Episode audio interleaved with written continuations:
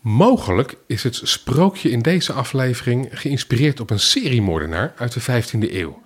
Gilles de Rais, als ik het goed uitspreek, was een maarschalk in het Franse leger. En in de kelder van zijn kasteel werden tientallen lijken gevonden. Het sprookje van vandaag gaat over de vraag of je zoiets aan kunt zien komen. Of je intuïtie je zoiets kan vertellen.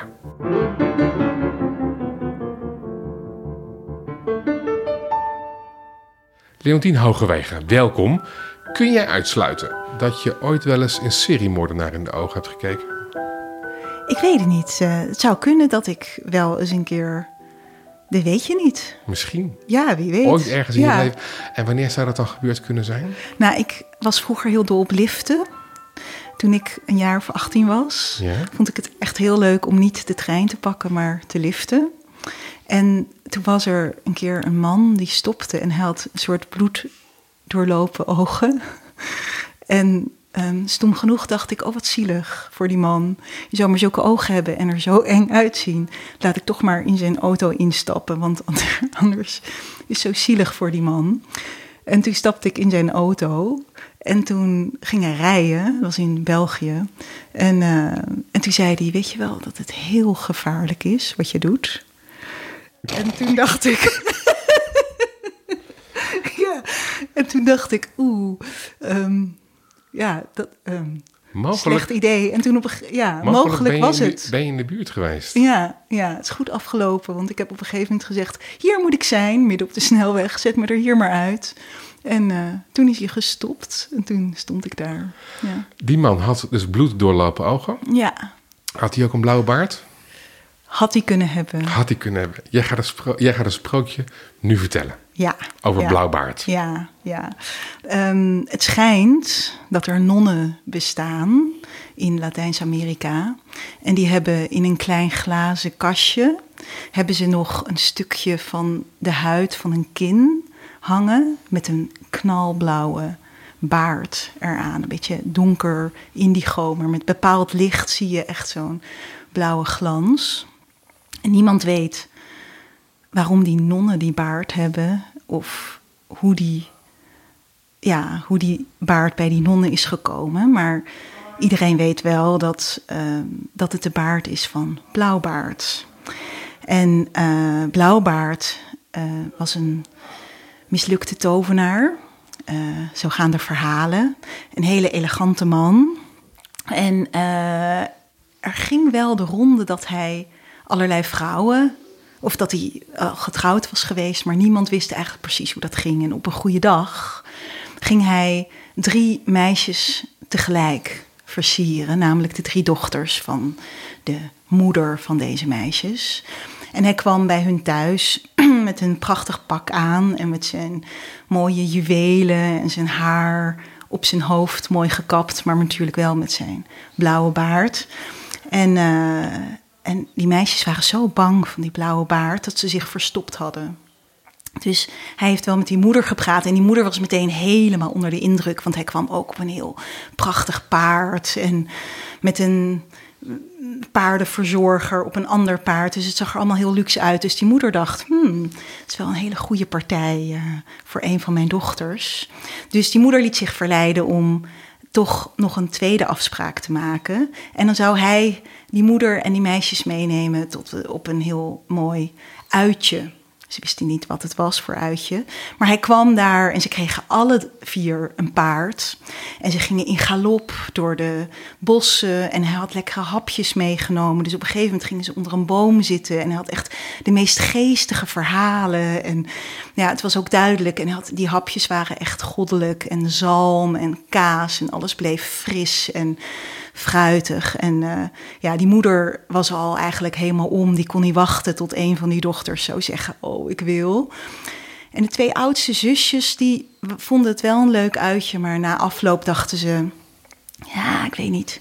Die baard is toch wel heel blauw, dachten die zusjes. Maar het jongste zusje dacht: Ja, maar zo'n man met zo'n mooie kleren. Zo'n mooie wapperende blouse onder dat jasje. En met zulke goede manieren en zulke grappige, spitsvondige verhalen. Dus dat jongste meisje, ja, dat, die zei: Ja, als hij wil, ik wil. Dus hoppelekee. uh, moeder blij, dochtertje, de jongste dochter blij. En ze gingen trouwen. En uh, hij had ook nog een waanzinnig kasteel. Daar was natuurlijk dat huwelijk. En uh, nou, helemaal fantastisch. Terwijl de twee oudste zusjes toch tijdens dat huwelijk al dachten: hmm, elke keer als ze naar hem keken en het licht van de kaars net even opvlakte, dan zagen ze toch die blauwe gloed. Dachten ze: hmm. En kort na het huwelijk zei Blauwbaard tegen zijn kerstverse bruid: uh, Ik ga voor zaken weg. Kijk, ik geef je hier mijn sleutelbos. Het was een hele grote sleutelbos. Voor alle honderden kamers een sleutel. En weet je, nodig je zusjes uit. Weet je, vraag de kok om feestmalen te maken. Ga lekker op onderzoek uit. Je mag alles bekijken. Je mag alle deuren openmaken. Ga feest vieren. Ga kijken wat er allemaal is. Behalve dit kleine sleuteltje. Dus één heel klein, minuscuul sleuteltje is het enige wat ik je vraag. Gebruik niet dat kleinste sleuteltje. Oh man, oh nee, oh heerlijk, nee, tuurlijk en geweldig. En ik ga mijn zusjes uitnodigen. We gaan feest vieren. We gaan de kok vragen. En zo gezegd, zo gedaan. Die zusjes kwamen en vroegen: Goh, en vertel. En hoe zijn je eerste weken van het huwelijk? En waar is hij dan nu naartoe? Nou, waar hij naartoe was, wist ze niet. Maar uh, ze vertelde het verhaal en ze mochten alles, behalve dat ene kleine sleuteltje. Hmm, dachten de zusjes. Hmm. Ze besloten er een spelletje van te maken. Laten we alle sleutels uitproberen en alle deuren openmaken uit het kasteel. Dus de ene deur, daarachter was de juwelenverzameling. En de andere deur, de bibliotheek. En de volgende deur, allemaal uh, mooie prenten en tekeningen van uh, kinderboeken, illustrators. En het volgende de ene kamer nog mooier dan de andere. En alle mooie hammen en, en gerookte kippen en overal. En ze hadden alles gezien. Um, maar dat ene kleine sleuteltje, daar leek helemaal geen deur voor te zijn. Dus ze gingen toch zoeken en opeens waren ze helemaal in de kelder en hoorden ze. hey, keken ze om een hoekje en zagen ze dat een klein, minuscuul deurtje vanzelf dichtging. Oh, laten we daar. Het was ook een heel klein sleutelgat. Laten we kijken of het sleuteltje daar past. Ja, ja, zei het andere oudere zusje. Pak je sleuteltje. En ze draaien het sleuteltje om en ze duwen tegen de deur. Pikzwart. Haal een kaars, haal een kaars. En het jongste zusje komt met een kaars en ze steken de kaars bij in dat kamertje. En dat kaarslicht flakkert op en ah, schreeuwen ze met z'n allen. En ze slaan die deur dicht. En hun, hoe heet het, adem in hun keel. Van, wat is dat? Want wat zagen ze? Echt... Uh, tientallen hoofden van allemaal bruiden. Sommigen nog met de bruidsluiers op hun hoofd. Overal bloed tegen de muren, bloed over die hoofden. Maar ook hele uh, geraamteachtige koppen die er duidelijk al weet ik veel hoeveel jaren lagen. Het was gewoon als appels opgestapeld. Allemaal bruidenkoppen. En uh, snel, snel die, die deur dicht, weer op slot. En, uh, en het sleuteltje terug aan die, aan, die, aan die ketting, aan die sleutelketting. Maar dat sleuteltje begon te bloeden. En nou, snel uh, afvegen met een, met een servetje of wat dit, een zakdoek. Maar het bleef maar bloeden. Dus naar de keuken, het sleuteltje in het vuur om het dicht te schroeien. Nou, die werkte niet met paardenhaar, vegen tegen dat, tegen dat bloeden. Het werkte, alles probeerden ze. En uh, ja, en wanneer zou überhaupt die blauwbaar terugkomen van zijn reis? Het, dit sleuteltje, dit moet nu stoppen. Als het sleuteltje zou stoppen, zou, ze ook kunnen, zou ze kunnen doen dat er niks aan de hand was. En kon ze gewoon verder. Dus uiteindelijk heeft ze het sleuteltje in haar kast tussen haar kleding gelegd. En deuren dicht. Ah, zo. Als hij nu terugkomt, uh, hoeft hij verder hier, hier niks van te weten. En uh, de volgende dag, op zijn paard, komt Blauwbaard uh, terug. En de zusjes snel weg.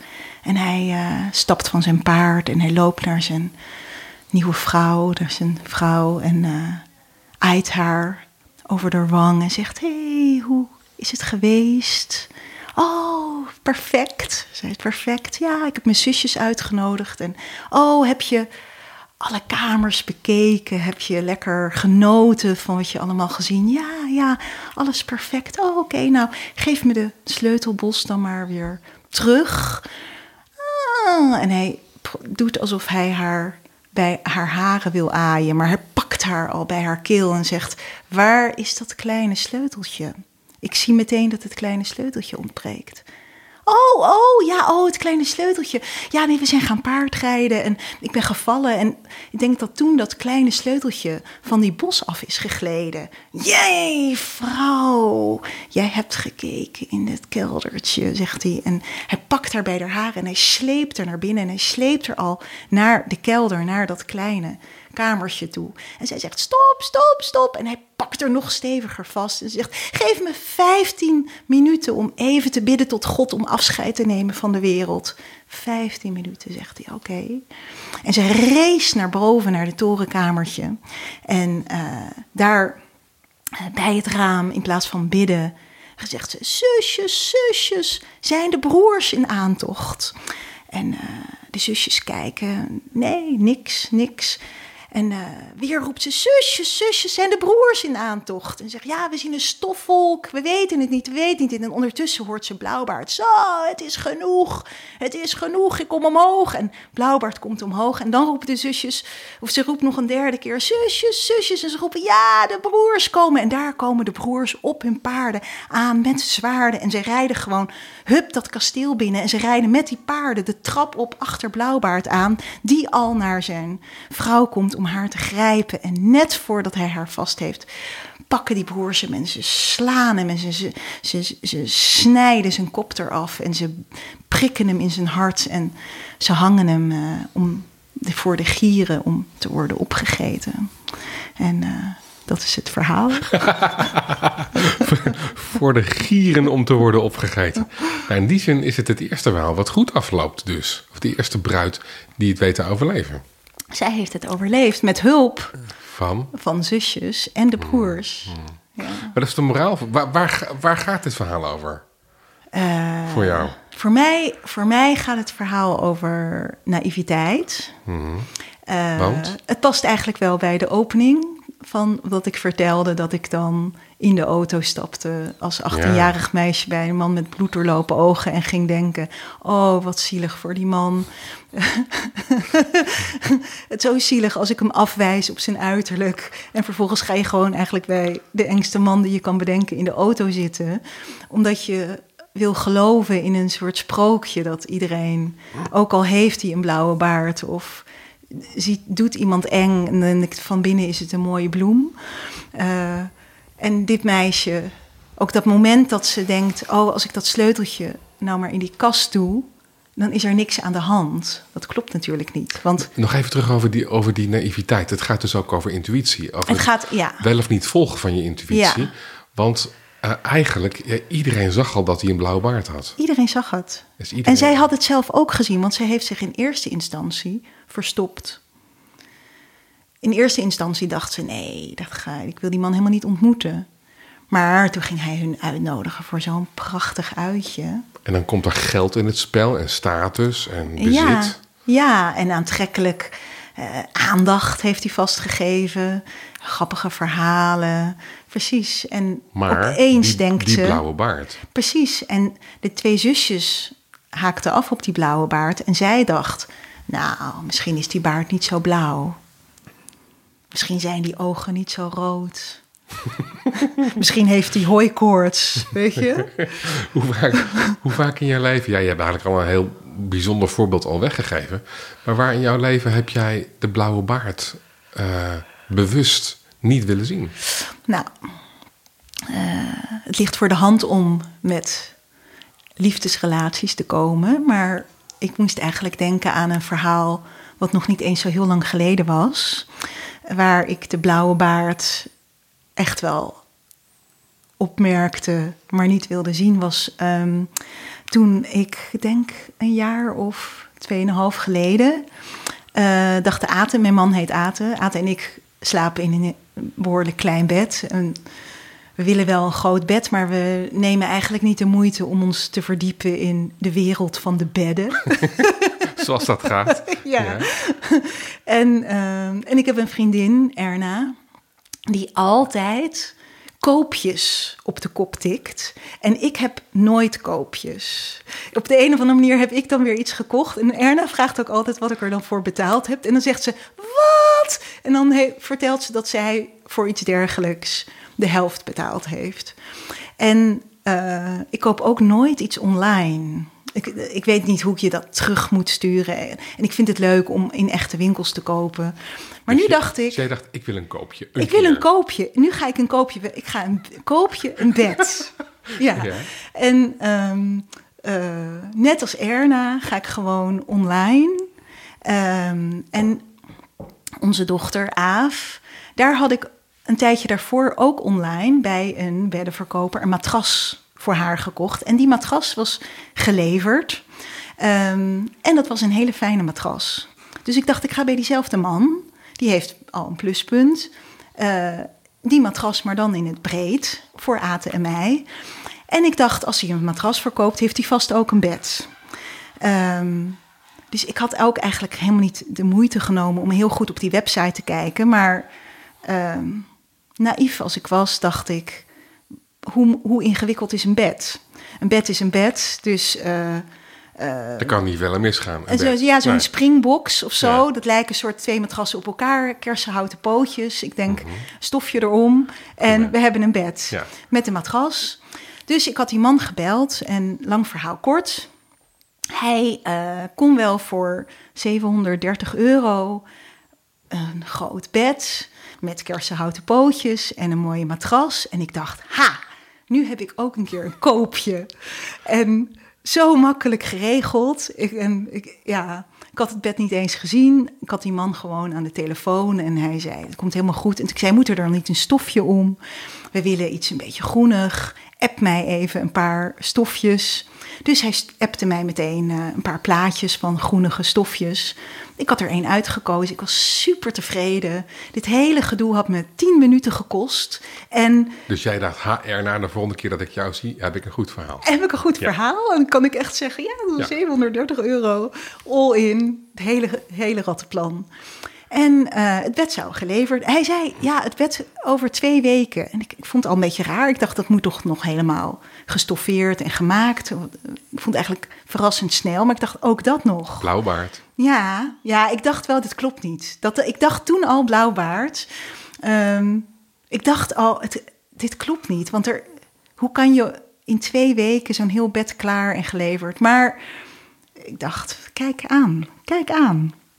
Hij regelt het, deze man.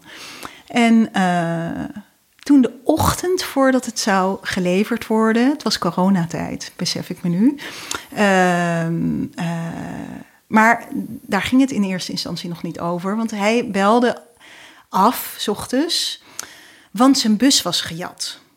En hij had een heel verhaal over dat. Uh, oh ja, nee, eerst was zijn bus gejat en het bed ons bed toevallig stond in zijn bus, dus het bed was ook weg. Dus hij moest het bed opnieuw bestellen, maar het was geen probleem. Hij was goed verzekerd.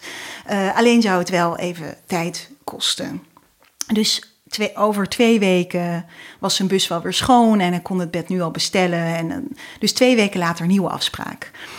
En uh, ik was nog helemaal bezorgd om de man. Dus ik had nog gebeld. Later heb je bus teruggevonden. En uh, toen had hij een of ander verhaal inderdaad. Dat ze, hij was zijn bus terug, was teruggevonden. En uh, junks hadden het helemaal onderge... Nou, een beetje vies verhaal. Het was in ieder geval heel vies. Allerlei uitwerpselen en dingen van die junks lagen daarin. En de helft van het bed was weg. En de andere helft was er nog. Dus het bed had hij gelukkig nieuw besteld. En toen dacht ik nog, het is zo gedetailleerd, het is vast niet waar. Dacht ik toen. Tweede blauwbaard moment. Want ik heb ooit geleerd dat bij de politie dat, ze dan, dat je dan leert van als het als mensen willen overtuigen dat het waar is, moet je hele rare details geven. En deze details waren zo raar dat ik dacht: dit is niet waar. Maar ik ging nog steeds voor mijn koopje. En we hadden een nieuwe afspraak. En toen de ochtend dat het zou komen, dus de tweede keer, belde die helemaal een beetje zo, helemaal ziek. Want uh, had corona. Dus uh, wist toch, ja, was toch bang dat hij mij zou aansteken. Ja, En jij dacht, dus, ja, dat wil ik ook niet. Ja, ja, Nee. dus dat wil ik ook niet, Logisch, dacht ik. Ja, ja. dus eh, een nieuwe afspraak over twee weken. Want dan was het echt zo wel weer voorbij zijn. En eh, toen belde hij weer af. Want hij had het bed opgehaald. Dus die keer daarvoor had hij het bed nog niet opgehaald, want hij was toen ziek. Maar nu had hij dus het bed opgehaald. Was het de verkeerde kleur gestoffeerd. Het was roze. Ja, we wilden groen. Dus ja, super vervelend. Ja, en, en toen zei hij, ik had namelijk de helft vooraf betaald. En hij zei, ja, er zijn ook wat problemen. En ook nog voor die, ik moet alles natuurlijk voorschieten. En ook de bus die gejat was. Dus zou je misschien het tweede deel van de kosten van het bed ook nu al even willen overmaken? Uh, en dan stuurde hij een appje voor, een tikkie. En toen wist ik eigenlijk dat het bed nooit meer zou komen. Maar ik wilde zo graag dat dat niet waar was, dat ik dacht, ik, ik dwing het af. Ik betaal en dan komt het misschien. Echt heel dom, heel dom. Iedereen die dit luistert denkt, wie is deze vrouw? We gaan haar bedonderen, want ze gelooft alles.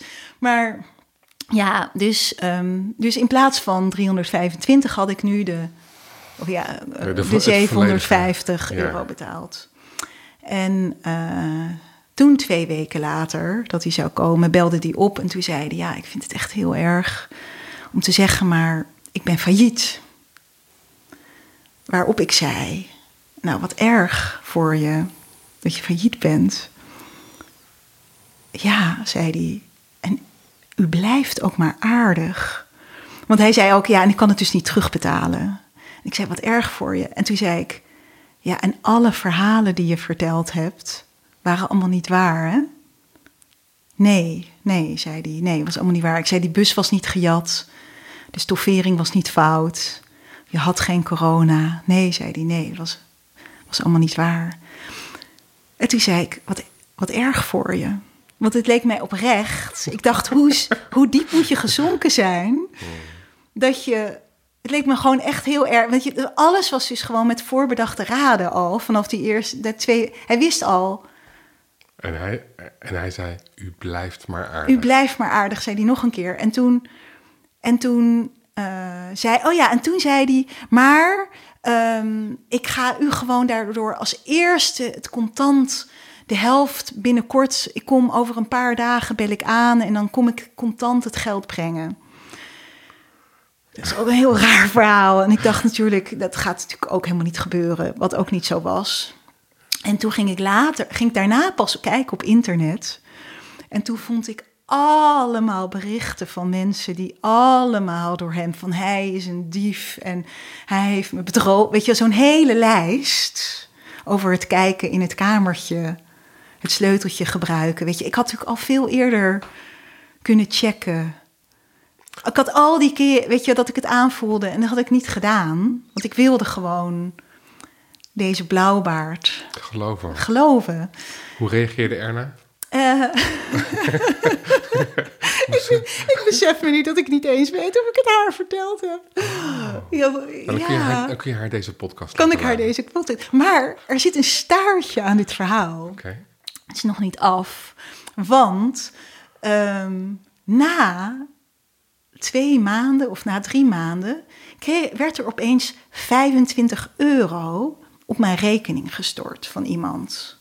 En ik zag dat dat de naam was van die man waar iedereen zo boos op was op internet. Want ik wist zijn echte naam, hij had ook een valse naam opgegeven. Maar op internet noemden ze hem bij de naam die 25 euro op mijn rekening had gestort. En twee weken later weer 25 euro. Ik dacht, ik reageer gewoon niet. Laat maar kijken wat er gebeurt. Een maand later 50 euro. Een week later 25 euro. Dat is zo doorgegaan tot 350 euro. Tot, of zo, of 325 euro. Tot de helft van het geld. En toen is het gestopt.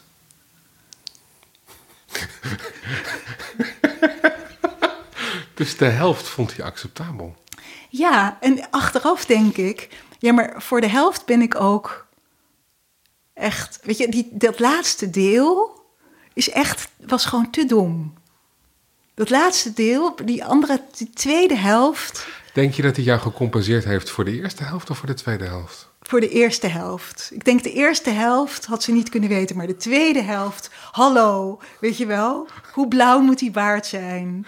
Dus die heb je niet Die teruggekregen. heb ik niet teruggekregen, leergeld. Dat was je eigen schuld. Ja, leergeld. Voor de eerste heeft hij gecompenseerd. Ja. Vind je het grappig? Prachtig verhaal. Ja. Ja. Niet zo mooi als Blauwbaard, maar bijna wel. bijna, bijna zo mooi als Blauwbaard. Eh, maar Ja. goed, dit is dus wat we kunnen leren eh, van Blauwbaard. Volg je intuïtie. Nou ja, dat, dat, en intuïtie is volgens mij, er zijn gewoon heel veel signalen. Mhm. Er zijn heel veel signalen dat het niet deugt, dat het niet klopt. En eh, En luister daarnaar. ja, en het feit dat ik Erna hierover niet gebeld heb. Snap je? Want dan zou zij zeggen: Ja, dit is een bedrieger. En eh, ben je gek? Je moet niet nog de tweede helft betalen. Hè, dus de zusjes zijn ook altijd wel in de buurt. Als je ernaar wil luisteren. Als je ernaar wil luisteren. Dankjewel voor het vertellen van dit prachtige sprookje van Blauwbaard. Dit was de aflevering die ging over Blauwbaard in de Sprookjespodcast. Dankjewel voor het luisteren. In de Sprookjespodcast hoor je elke aflevering een nieuw sprookje van over de hele wereld. Mijn naam is Basti Barancini en vandaag hoorde je Leontien Hogewegen. Ze is van huis uit onder meer dramadocent en regisseur, maar begeleidt inmiddels al 15 jaar individuen en teams op het gebied van storytelling.